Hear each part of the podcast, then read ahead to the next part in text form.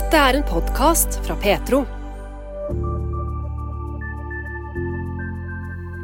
Hvorfor har vi adventstid, og hvorfor tar vi fram det lilla lyset i advent?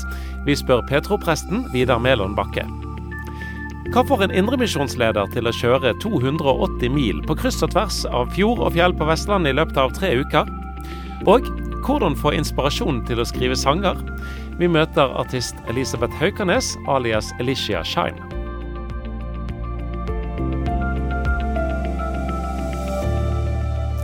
I P3-uken oppsummert snakker vi òg med Hans Arne Sanna om lys som et sterkt symbol både i hverdagen og i Bibelen. Og Ole Gundersen hun snakker om venting og om ny himmel og ny jord. Vi må bare altså vente, eventuelt skippe selvfølgelig, til slutten av podkasten for å få det med. Men første tema er altså advent. Og hvorfor kaller vi egentlig disse ukene før jul for nettopp advent? Vidar Mæland Bakke er prest i bymenigheten i Sandnes i Rogaland, og altså kjent som Petro-presten. Ja, det er altså et latinsk ord. Eh, jeg trodde jo da jeg var barn at det hadde noe med ventetid og vente å gjøre, for det høres jo sånn ut, advent, men det er altså eh, Det er et ord som betyr komme, og jeg tror opprinnelig så, så snakket man om adventus domini, som betyr Herrens komme. Eh, og så kortet man det ned til adventus, og så til slutt advent i, i vårt språk, da. Eh, men det betyr jo rett og slett at eh, man feirer en ankomst, og at det er Herrens ankomst. Det betyr at Jesus Kristus er født. Ja. Men ligger det noe mer i dette med Herrens komme enn det at Jesus ble født eh, i år null? Ja, altså Jeg tenker jo at når vi feirer advent i dag, så, så snakker vi ikke bare om historien. Om at Jesus ble født en gang, men vi kan kanskje snakke om at det er både at han kom, at han kommer, og at han skal komme, pleier jeg å si. At det er tre, på en måte, tre tider i dette her, som, som spinner litt sammen i, i adventstida. Um, det begynner jo med det at uh, Jesus skulle komme, og at det, det forberedes i mange hundre år før Jesus kom, og profetene i Det gamle testamentet de begynner å snakke om en Messias.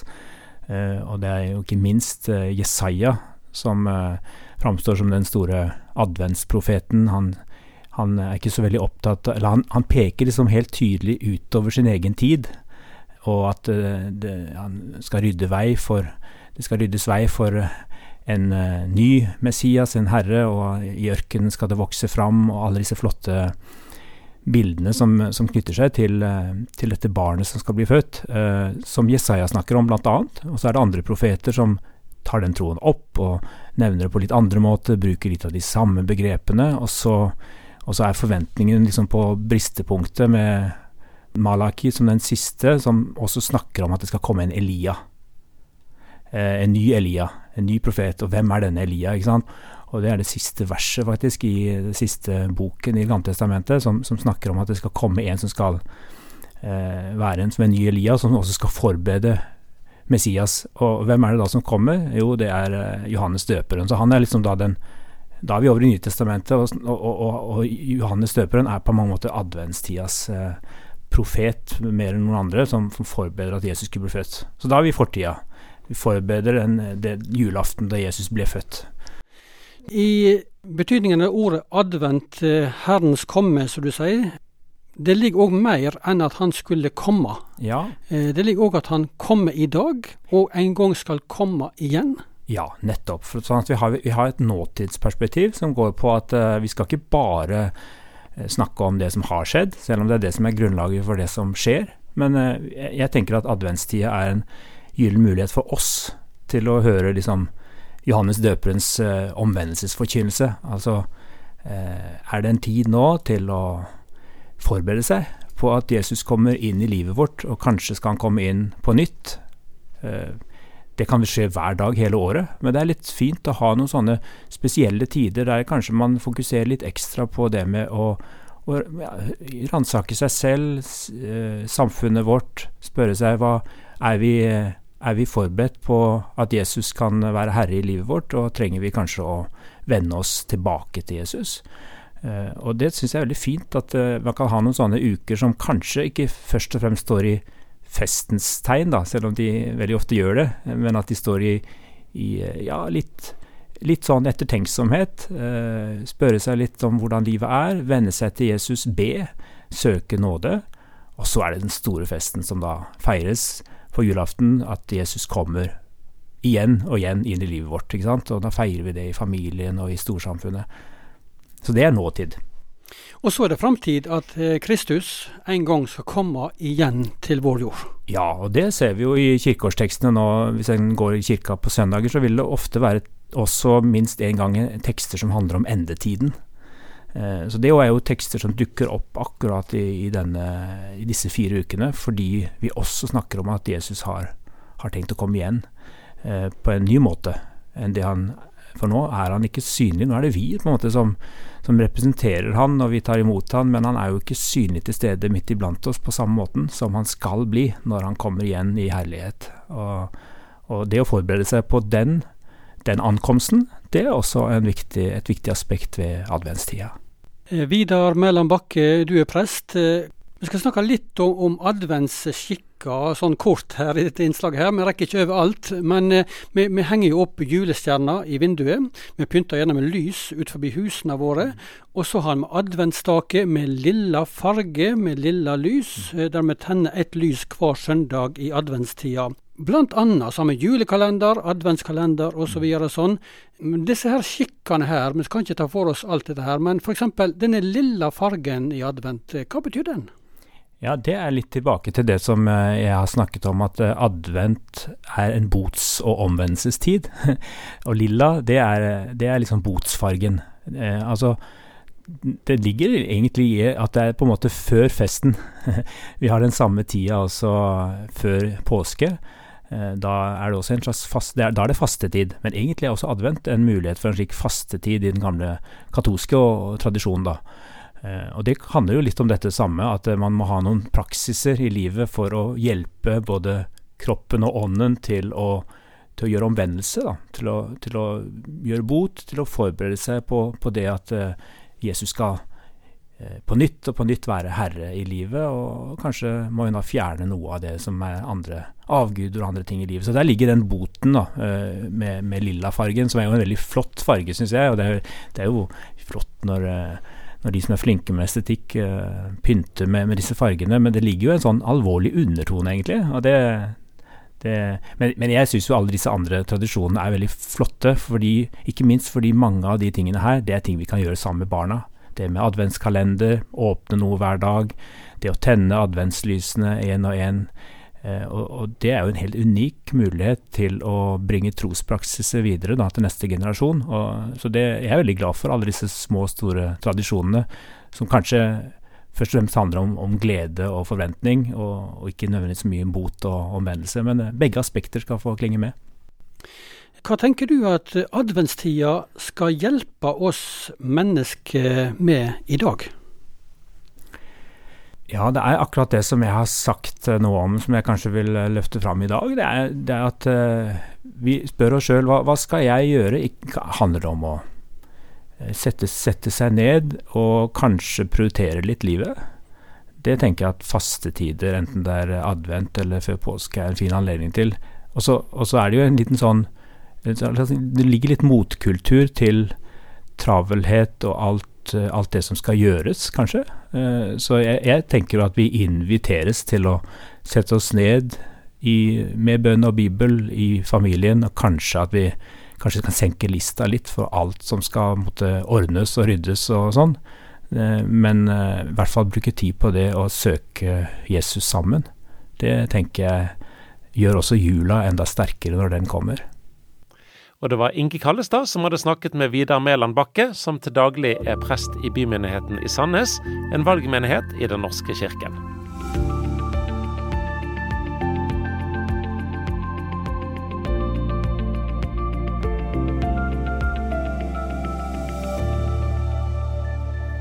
Sånn i hverdagslivet heter hun Elisabeth Haukernes, men som artist kaller hun seg for Alicia Shine.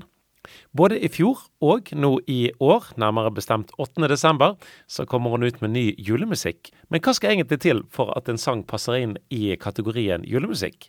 Det skal jo gi deg en julestemning, på en måte. Og så enten at det handler om julebudskapet, evangeliet, hva Jesus har gjort, eller om det gir deg en slags stemning, en slags varme, en, slags eh, eksempel givergleden. Eh, det kommer jo ofte opp nå om julen, og bare være sjenerøs og Nei, det var ikke noe jeg eh, trodde at jeg kom til å få til. For jeg har liksom tenkt at julemusikk er en vanskelig sjanger.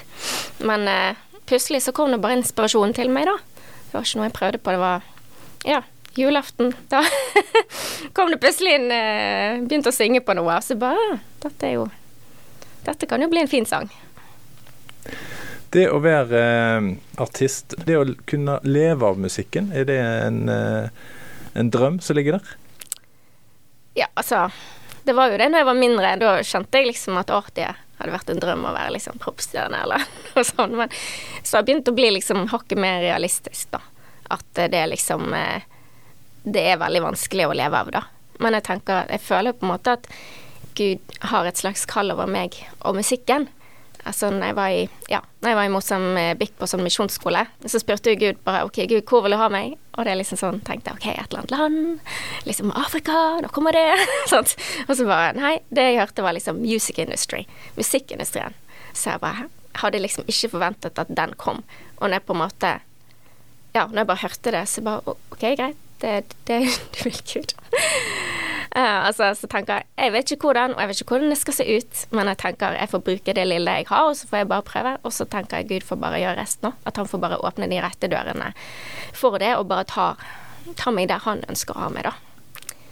Ja, altså, jeg har nå bare på en måte laget uh, sanger som jeg har fått inspirasjon om. Så nå, altså, som det kommer liksom, i ulike sjangere, så har jeg liksom ikke tenkt så veldig mye på det, for jeg tenker at jeg vil på en måte Målet mitt var liksom å bare få ut musikk, da. Eh, så det jeg fikk inspirasjon om, det bare lagde jeg, og så bare prøvde jeg bare å få det ut. Hvordan får du inspirasjon, da? Hva, hva, skjer når du får inspirasjon? Jeg føler ofte så får jeg bare en melodi i hodet, og noen ganger kommer melodien òg med Ofte med tekst, da. At det kommer type samtidig, og så eh, Ja, og så bare prøver jeg å sette meg ned og så jobbe videre med det, da. Når jeg får en melodi i hodet, så er det bare å prøve å rekorde den for å prøve å huske den, og så er det Ja, hvis jeg ikke får tid akkurat da til å jobbe med den, så ja, så det er ikke alltid du sjøl skjønner hvor, at eh, Du kan ikke oppsøke den inspirasjonen? Den bare kommer? Nei, jeg føler ofte at den bare kommer.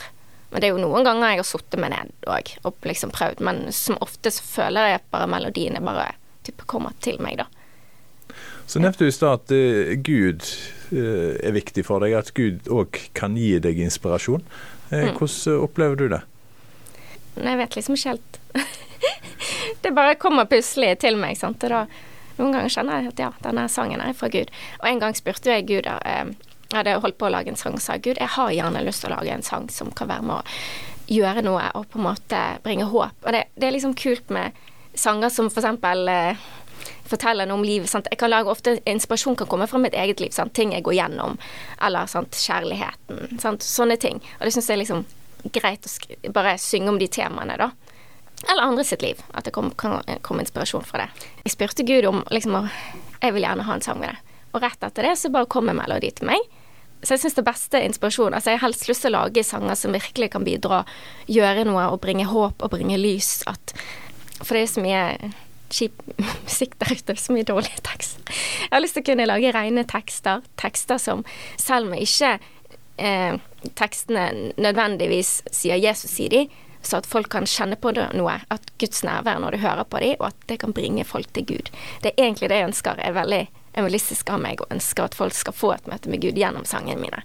Men jeg ønsker mer å på en måte virkelig få inspirasjon og lage sanger som at hvis en person har hørt på den sangen og kanskje sliter med selvmord, at når den personen hører den sangen, så kjenner han bare Guds nærvær og Guds kjærlighet og bare får håp, da. Altså, det hadde vært drømmen. Hvis jeg kunne lagd en sang som folk bare kunne fått håp av til å liksom fortsette å leve eller fortsette å kjempe. Så det har vært helt fantastisk. Det var Bjørn Steinar Haugland som hadde snakka med Alicia Shine. Og hennes ferske julesang 'Christmas Lights' den er ute på strømmetjenester nå. Du lytter til en podkast fra Petro. Vi ønsker å formidle tro, rotfestet, redelig, reflektert og relevant, slik at du blir inspirert til etterfølgelse av Jesus. I tillegg til podkaster og webradio kan du høre Petro på DAB 24-7 mange steder i landet. I år er det jubileum for en bedehusbevegelse som har preget landet i 125 år. Indremisjonsforbundet har arbeid på om lag 450 bedehus, særlig på Vestlandet, Sørlandet og litt i Finnmark. De driver leirsteder, barnehager og en rekke skoler. Petter Olsen er ansvarlig redaktør for Sambandet, som er Indremisjonsforbundet sin egen avis. Tidligere i høst så kjørte han 280 mil for å besøke et knippe foreninger og forsamlinger, for det er nettopp sånne lokale lag organisasjonen er til for. Og alle disse ulike nivåene, altså alle disse foreninger, forsamlinger og kretsene, de er selvstendige enheter som helt frivillig har slutta seg til forbundet. Så vi har på mange måter en, en båndstyrt struktur i plassen for en toppstyrt. Og det, det er en viktig del av forståelsen av uh, Indremisjonsforbundet. Mm. Så det betyr at det er jo veldig lite sånn uh, bestemmelser fra toppen som så går ned? Det, ja. det er mer en, en, eh, en grasrotbevegelse sånn sett. Men, men, men betyr det òg at, at, det å drive Indremisjonsforbundet er litt som å bære hesjestaur? Altså at det spriker i mange forskjellige retninger? nei, altså fullt så gale er det jo da ikke. men, men det er klart at eh, eh, som du sier, så, så, så, kan ikke eh, IMF, som vi jo forkorter oss da, eh, kommandere. Eh, men, men IMF står jo for noe. Eh, ikke sant? Og når en slutter seg til og sier at en ønsker å være en del av forbundet, så, så er en jo klar over hva, hva forbundet står for. Det, det, er jo ikke sånn at, at vi ikke har noen, noen tanker om teologi, f.eks. Ikke sant? Altså, hvis, hvis, vi skal komme litt inn på stiftelsen av forbundet, så, så var jo faktisk det med å, å verne og hegne om den gamle forsoningslære f.eks. var jo noe av, av, begrunnelsen, eller liksom målsettingen i sin tid med å stifte forbundet. Så, så, så forbundet står jo for noe, og, og, og det vet jo de som slutter seg til.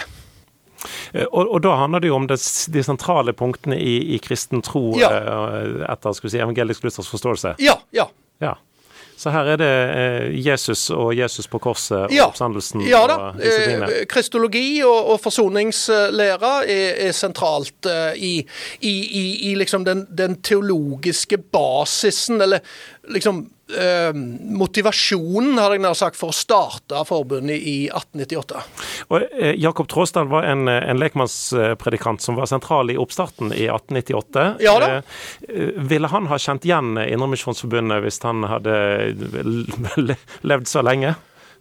Altså, Det han nok ikke ville ha kjent igjen, det var jo at vi har jo voldsomt mange færre forkynnere nå enn det som forbundet hadde i starten. Altså I starten så var jo det nettopp noe av liksom det som forbundet skulle gjøre. En skulle rekruttere, utruste og sende ut eh, forkynnere. Og, og, dette er jo noe som har forandra seg på den måten at vi ikke lenger som forbund har uh, mange forkynnere ansatt. Og det ville Tråsdal ha, uh, ha, nok ha, ha merka seg, hadde jeg nær sagt. Men med tanke på hva forbundet står for, så, så tror jeg ikke han ville ha reagert, hadde jeg nær sagt. Men, men eh, altså det er jo masse, masse, som har forandret seg i løpet av de 125 mm. årene. Som mm. du sier, det, det, er i mindre grad nå sånn at uh, forkynnere reiser ut mm.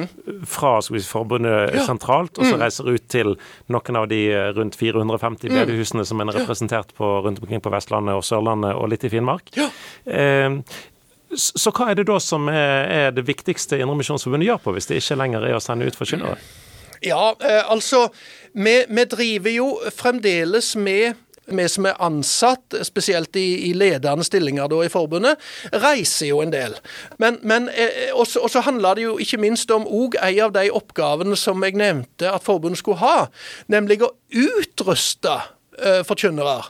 Og i 2017 så, så, begynte vi jo med noe som heter Lederkonferansen, eller det var iallfall det navnet han fikk.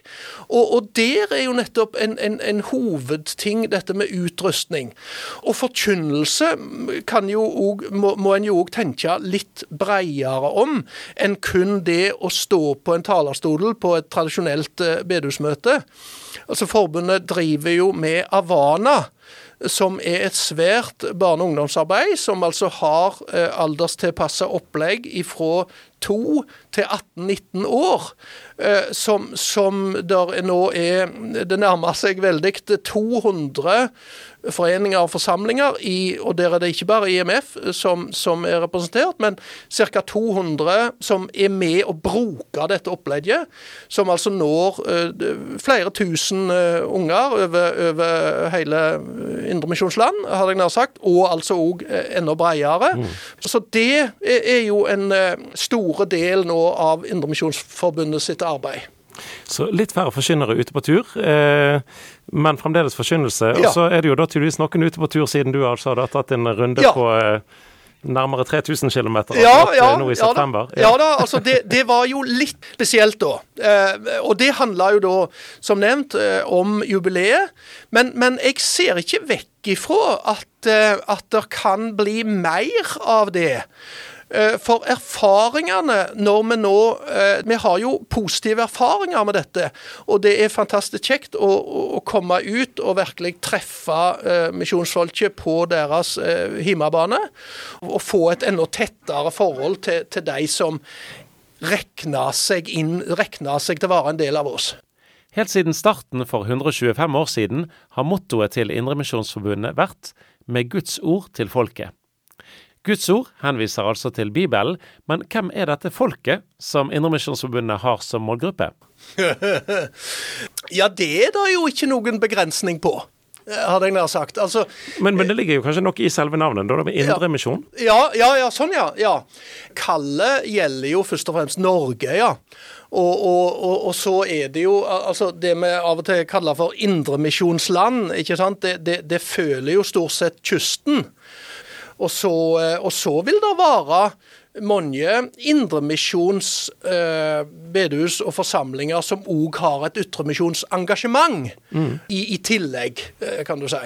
Men, men, for en organisasjon da som har jobbet med, med indremisjon, altså å, fortelle om Jesus i, i Norge, eh, mm. altså vil måten en gjør det på måtte endre seg i en tid der ikke lenger så mange eh, har gått på søndagsskole, ikke så mange lenger kjenner til på en måte grunnleggende kristen tanke og kristne historier og bibelfortellinger osv.? Mm. Ja, altså vi, vi, vi, må jo ta hensyn til at kunnskapsgrunnlaget ikke er det samme nå som det var. Det er jo ikke minst òg derfor at vi har tru på Avana som et opplegg for å henvende seg til den yngre generasjonen. Helt ifra som nevnt to år oppover til, til 18-19 år, der, der, der, du har et, et alderstilpassa undervisningsopplegg, der du har smågrupper der, der, poenget er å komme tett på og se den enkelte. Og, og, og, og der en da skal, skal tenne en brann, ikke sant kjenne, elske og tjene Jesus. Og det er klart at behovet for undervisning er nok større nå uh, med, med eh, og, og ungdommer enn det var for 50-100 eh, år siden. Så, så, men, men, det prøver vi ikke minst overfor den, den unge generasjonen å ta hensyn til. Eh, vi nevnte her at det sånn, dette her er veldig cirkatall, da, men mm. kanskje en sånn 450 bedehus og mm.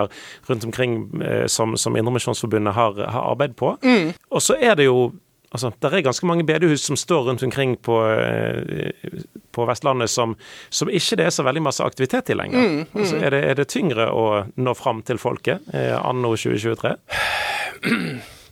Ja, du har rett i det, at, eh, at det er bedehus som har lite aktivitet. Men, men, samtidig så ser vi jo at det er bedehus som, som samarbeider.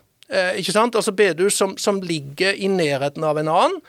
Eh, der det, der det, før var naturlig at, at, de lå så, såpass nærme pga. Eh, logistikk og kommunikasjon og, og hvordan en tok seg fram, rett og slett. Mens, mens, nå har vi lettere for å komme oss fram. Og, og, og det vi ser som jeg syns er flott, det er jo at bedehus samarbeider. At de legger ikke opp møtevirksomhet i hvert eh, bedehus som ligger i en liten radius. Men, men, men de, har, de, fordeler nærmest virksomheten, og så går de til en annen. Og på en måte jeg kan nær sagt samle uh, gløden.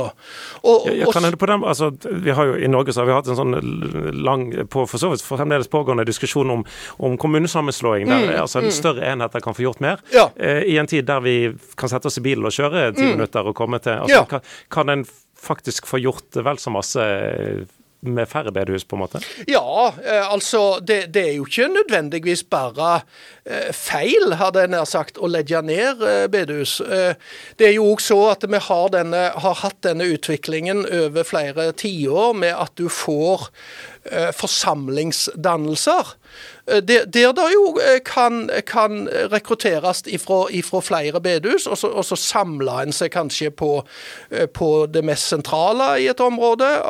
Altså at du, at du på en måte bygger en sterk enhet lokalt. Eh, altså, Framtiden er det jo ingen av oss som kjenner. Nei. Fasiten vil bare vise seg etter hvert. Men, men i eh, oktobernummeret av Samboende mm. så, så, skriver dere litt om altså, hvordan kan dette her se, se ut, mm. et, et, stykke mm. fram i tid. Ja. Eh, du skrev bl.a.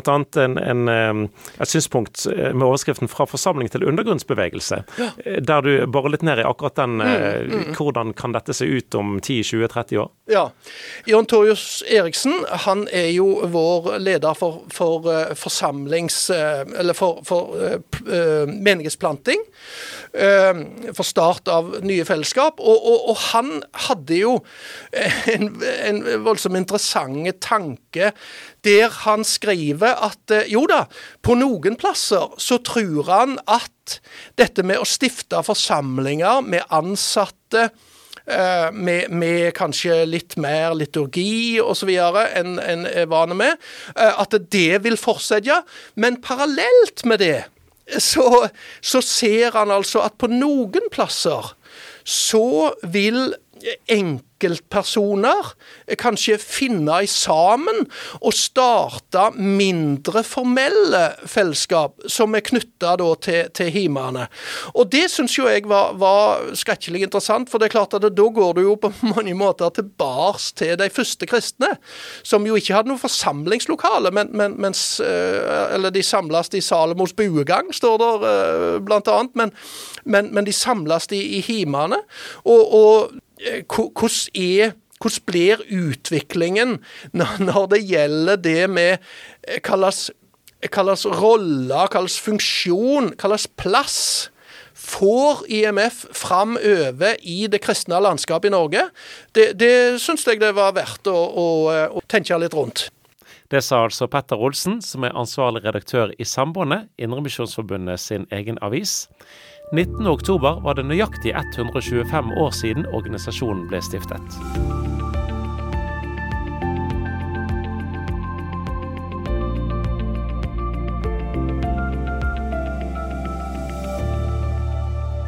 Lys er et sterkt symbol både i vår hverdag og i Bibelen.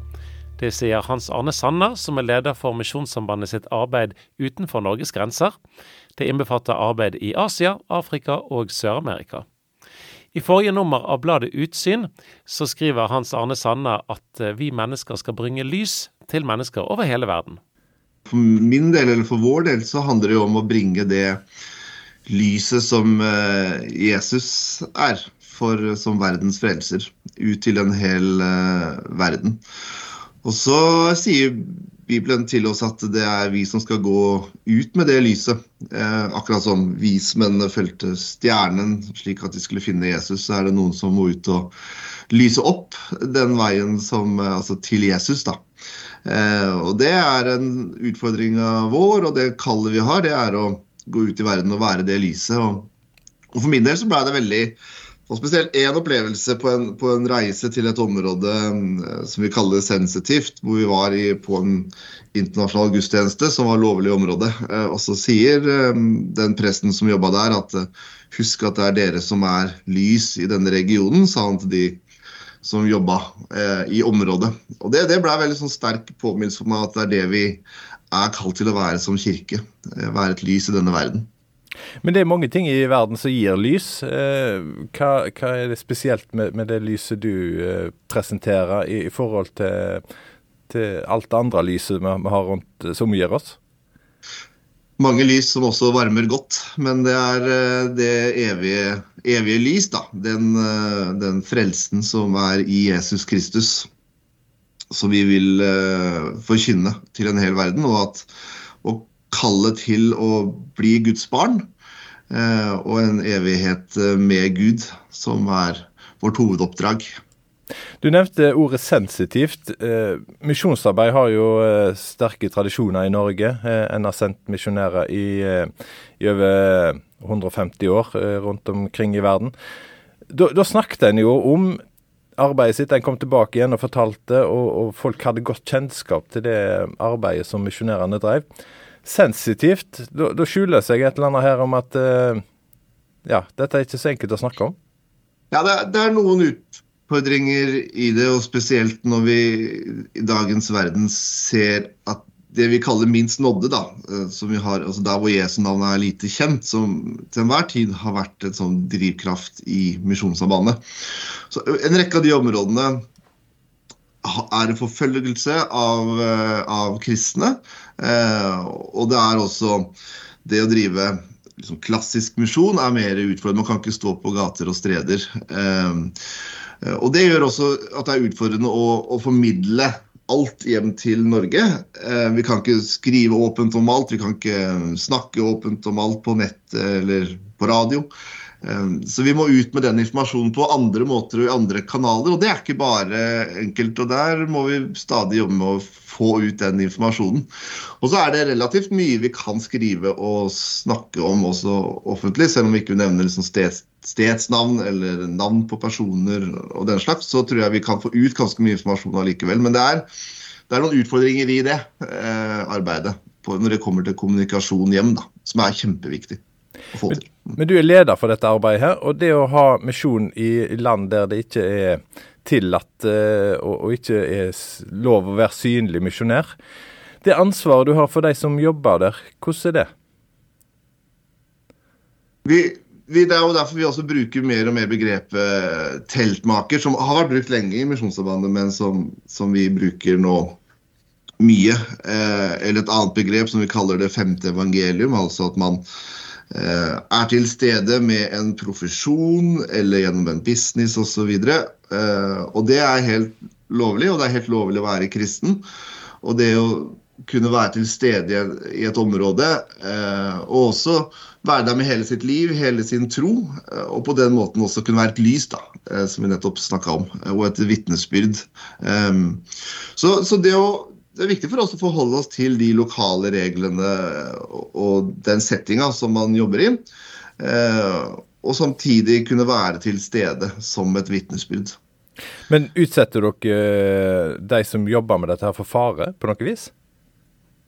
Ja, jeg tror jeg vil si nei til det. Vi har ganske gode, gode si, hva skal vi si, altså, eh, prosedyrer på hvordan eh, vi forholder oss til lokale områder og, og følger opp eh, den enkelte utsending.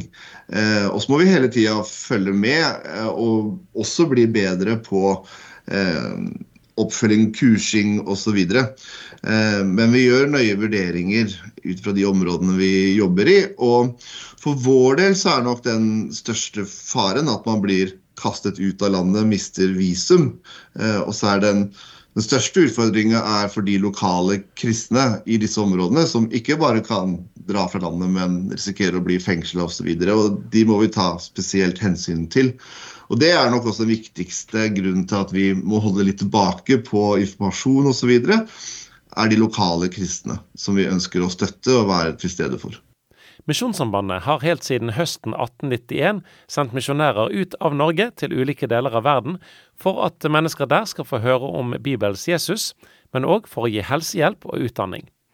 Dette arbeidet blir drevet av gaver fra mange engasjerte enkeltpersoner, foreninger og menigheter. Og Hans Arne Sanna sier at det er fremdeles et stort engasjement for misjon i Misjonssambandet. Jeg, jeg tror som i, Innenfor Misjonssambandet så har vi en lang tradisjon, helt tilbake fra man starta i Kina, til å være til stede der hvor det er, ikke er kirke, få kristne. Det var som det var i Kina når man kom der, det var slik det var i Sør-Etiopia når man kom dit.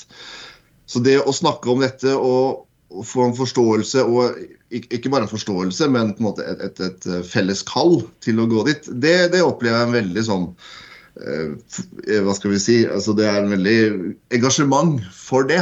Eh, og så kan man si at i samfunnet generelt så er det ikke så lett å, å skaffe den forståelsen nødvendigvis. Eh, men jeg håper og tror at innafor Kirken eh, og vår egen kirkesammenheng så er det en stor forståelse og et engasjement for det. Må du ha stort engasjement sjøl for, for, å kunne ha den jobben du har? Eh, ja, det, det, tror jeg nok jeg må ha. det er en sånn eh, For min del så handler det også om et, et engasjement som blei født tidlig i livet, og som har vært stort for misjon. Og det å ta Bibelen på alvor når Bibelen sier at vi skal gå til alle folkeslag, at vi skal være et lys i denne verden, ehm, så er det også et sånt kall som jeg deler eh, med, med gjengen som er ute. Eh, det er det. Ja, På hvilken måte er det synlig? Altså, hvordan, hvordan merker du at dette er et engasjement du har? Tror det er få ting som rører meg så mye som når uh, man får uh, en melding fra et av uh, feltene om dåp, f.eks., som vi har fått flere av i det, i det siste, hvor, hvor noen har fulgt en liten gruppe over lang tid, og man døper i en, i en, elv eller i, på en strand. det å få bilde av det og få beskjed om det, det er noe som berører veldig sterkt det å se at Guds kirke vokser da, på denne jord. Eh, og så er det et sånn eh, engasjement for den globale kirke, eh, som er så mye større enn, det vi har hjemme i lille Norge. Og det å kunne være sammen med i de store kirkesammenhengene med Mekanesu-kirken i Etiopia eller en rekke av de andre kirkene, og ha et felles mål om å nå denne verden med de kirkene, det også er noe som har et veldig sånn sterkt eh, engasjement for.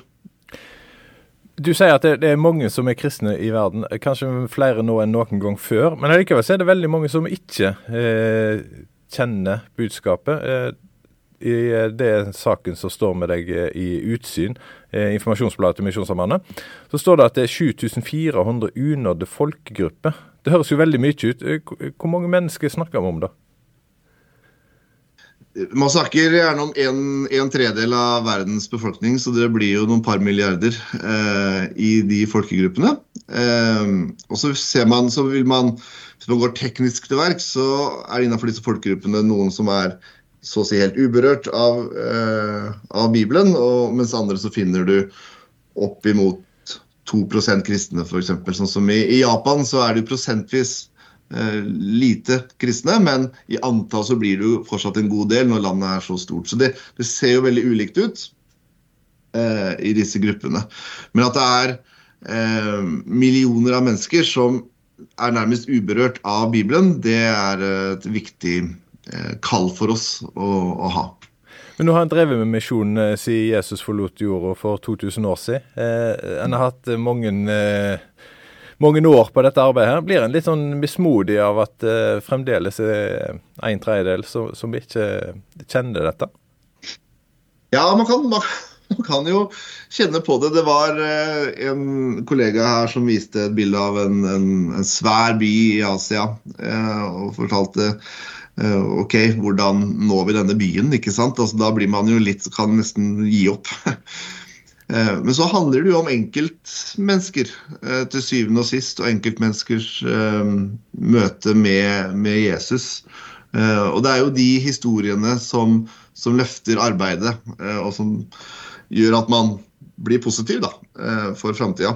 Nå er jeg generelt en positiv type, så jeg blir jo gira lite. Men, men det er nok det som holder i gang. Og så er det jo at man ser at at Kirken har en enorm vekst, eh, og spesielt hatt det i Afrika, Asia, Sør-Amerika de siste 50-60 år. Eh, og, den tror jeg vil fortsette eh, der som.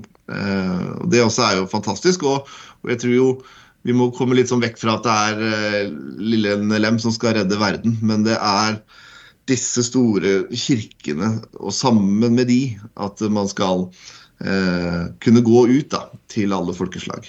Ja, det er litt endring i, i måten en tenker misjon på, at en tenker fellesskap mer enn min organisasjon? Er det en endring i, i måten å tenke på? Ja, det har nok alltid vært der. Eh, men det har nok blitt veldig tydelig, i hvert fall for min del, eh, viktigheten av det. Eh, og Derfor har vi jo bare forrige uke så var det et teltmakerkurs i Etiopia i Mekaneserkirken, som sammen med, med, oss, organisasjonen Tent, som var Det handler jo om at man er teltmakere sammen. Eh, teltmaker, kan du forklare hva, hva, betyr det egentlig? Ja, Teltmaker er at man praktiserer eh, sitt yrke, eh, eller er student, eh, i, i, på en måte et eh, sensitivt område for vår del. Eh, og så praktiserer man det yrket. Men også man er der med hele sitt liv og med hele sin tro. og det, da, da er ikke jobben en sånn noe man gjør på si, det er jobben er kjempeviktig. Er man lege, så skal man være en god lege og gjøre en kjempejobb. Og Det er også sånn man skaper gode relasjoner og får tillit i et samfunn. At man gjør en god jobb. Men man er akkurat som i Norge, så er man til stede med hele sitt liv, eh, og også sin tro. da. Mm. Så det er det du snakker om når, når vi, vi, begynte å snakke om det å være lys. Eh, det å være et menneske som er synlig. Det er òg en del av dette her med å være lys. Ja. Mm. Være, til, være, synlig på arbeidsstedet eller på sykehuset eller hvor man jobber, eller studiestedet. Eh, eller i gata eh, der man bor, med naboer osv. Det, det som er fascinerende det er, veldig sånn, det er ganske likt hvordan det er å være en, en kristen i Norge. Eh, bo i et borettslag, eh, ha barn i barnehage eh, og være til stede. Takk for at du lytter til denne podkasten fra Petro. Liker du det du hører, setter vi pris på om du tipser andre om radiosendinger og podkaster fra Petro. Du finner oss på DAB, og både radiosendinger og podkaster er tilgjengelige i Petro-appen, som enkelt lastes ned fra Google Play eller AppStore. Det er både håp og lange linjer i underteksten for bibeltekstene som skal brukes i Den norske kirke kommende søndag til gudstjenester. Disse tekstene har Olaug Gundersen lest, og dannet seg noen refleksjoner som du får her. En natt i august i fjor våkna jeg av en merkelig lyd. Det durte litt høyt. Jeg var usikker på hva lyden var. Etter noen minutter i ørska i senga, så hadde vi forstått at vi drømte ikke. Det var noe som skjedde, men vi visste ikke hva det var. Ikke før vi så noen lys i taket i gangen. Og de lysa, de var blå. Det var en brannbil som sto rett utenfor huset vårt. Durelyden var fra brannbilen, og den tapte vann som den spylte på ei rekke med hus, og de husa, de lå 20 meter fra terrassen vår. Deler av rekka sto i full brann. Det ble en merkelig natt. Vi hadde panoramautsikt til det som utspant seg. Når vi forsto at det ikke var fare lenger, da gikk vi og la oss. Men når vi sto opp, så så vi hvor gale det hadde gått. Fire av fem hus var totalt utbrent. Vet du hva ordet forgå betyr? Det kan bety å forsvinne, å dø, å opphøre og visne. I Lukas 21 og vers 33 står det Himmel og jord skal få gå. Det står i Bibelen at himmelen og jorda skal forsvinne. Akkurat som nabohusene våre forsvant, så står det at himmelen og jorda skal få gå. Det er jo ikke akkurat noe veldig positivt. Men det fine, det er at verset slutter ikke der, men det fortsetter. Men mine ord skal slett ikke få gå.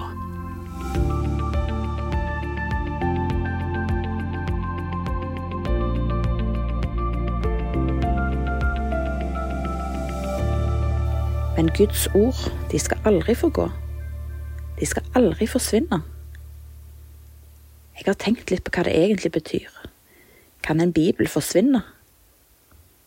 Mine ord, som det står i dette verset, det er ordene og bøkene i Bibelen. Kan de forsvinne? Ja, de kan selvfølgelig det. En bibel kan en miste, en kan glemme den en plass, og ikke finne den igjen. Han kan faktisk bli stjålet. Jeg har hørt om en som mista bibelen sin fra en bil. Det var innbrudd, og bibelen var borte når bilen ble funnet igjen. En bibel kan brenne opp. Hvis noen av naboene mine, som jeg snakket om i går, hvis de hadde en bibel i huset, så ble den borte i alle flammene som herja. Men dette er bare å bli borte fysisk. Det som jeg tror Lukas mener her i dette verset, det er at Bibelen er klar på at himmel og jord en gang skal forsvinne, men aldri det som står i Bibelen.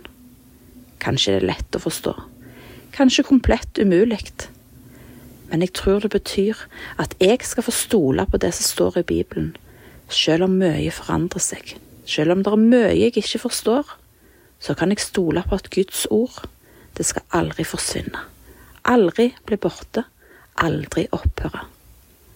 Disse ordene, disse bøkene, det er den største skatten som det er mulig å ha.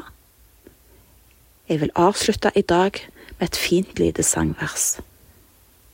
Den største skatten som finnes på jord, det er Guds gave til alle som tror. Den ligger gjemt i Herrens eget ord. Der er den store skatten.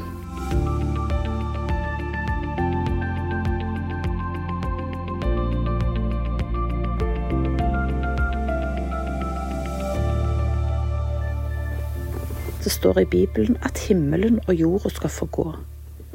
At det en dag skal bli borte. Det kan kanskje høres både trist og vanskelig ut.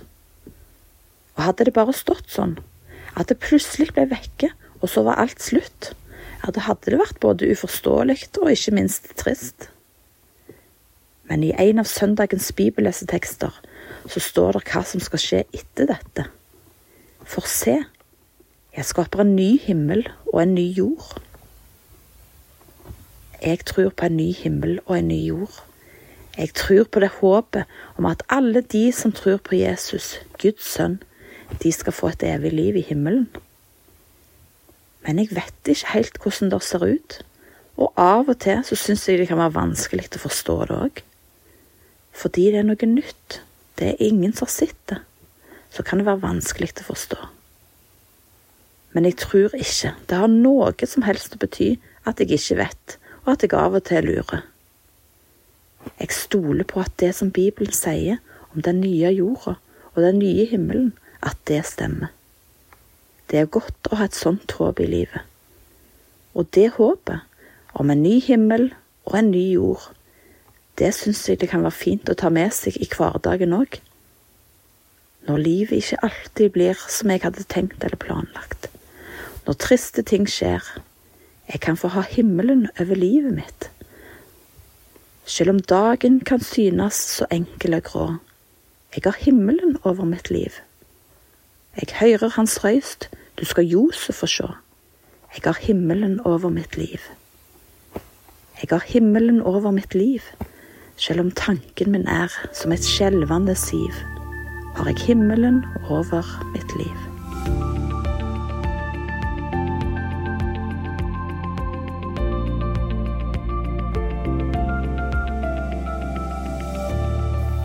Du har kanskje vært på et idrettsarrangement der det er masse jubel og heiing. Og hvorfor er det så mye heiing? Jo, det er for å hjelpe en person eller et lag med å vinne. Kanskje du akkurat nå i disse tider har sett på håndball-VM for damer? Eller du har fulgt med på hvordan det gikk i innspurten i Eliteserien? Eller kanskje du er en av de som står foran sofaen når skiskyttergutter går stafett og skal inn og skyte ned blinkene. Det er masse følelser involvert når en heier på at laget sitt skal vinne. I en av bibellesetekstene denne veka så står det òg om seier, men den seieren, den er ikke lik den som er på idrettsarenaen. Hør hva der står. Men Gud være takk, som gir oss seier ved vår Herre Jesus Kristus.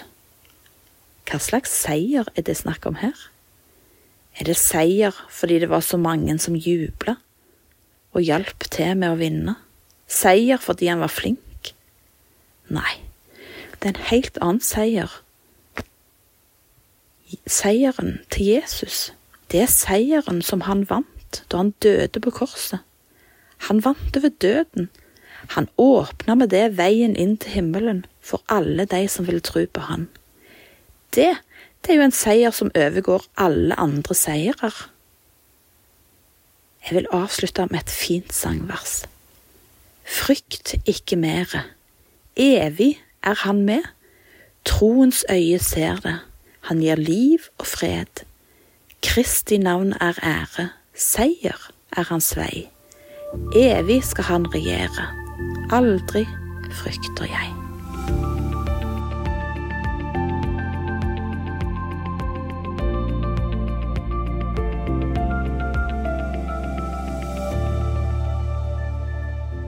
Nå er det snart andre søndag i advent, og vi nærmer oss julehøytiden. Ofte så hører vi at advent er ei ventetid, og det er det. Det er ventetid fram mot julehøytiden. Men dersom en oversetter ordet fra latin til norsk, så kan en oversette det med Frelserens ankomst. Jeg er glad i jul, jeg er glad i pynt, glad i julemat, glad i lys. Men som høytid så liker jeg enda bedre påske. For det var i påsken at Jesus vant seieren på korset. Men det hadde jo aldri blitt noen påske hvis det ikke var for jul. Den seieren som vi leser om i en av søndagens bibellesetekster, den seieren som Jesu ordna, den starta i julen. Den starta når Jesus ble født. Og så syns jeg det var så veldig fint når advent betyr Frelserens ankomst. For det er nettopp det julen er. Det er ankomsten til Han som kan frelse alle mennesker. Alle som vil tro på Han, og ha Han som sin frelser. Han vil jeg vente på i denne adventstida. Selv om jeg ikke skal tenne alle fire lysene i adventsdagen ennå, vil jeg avslutte med et vers der en tenner alle fire lysene. Og med disse versene så ønsker jeg deg ei god adventstid med venting mot Frelserens ankomst. Tenn lys. Nå stråler alle de fire lys for ham som elsker alt som lever, hver løve og hvert lam. Tenn lys for himmelkongen som gjeterflokken så. Nå møtes jord og himmel i barnet lagt på strå.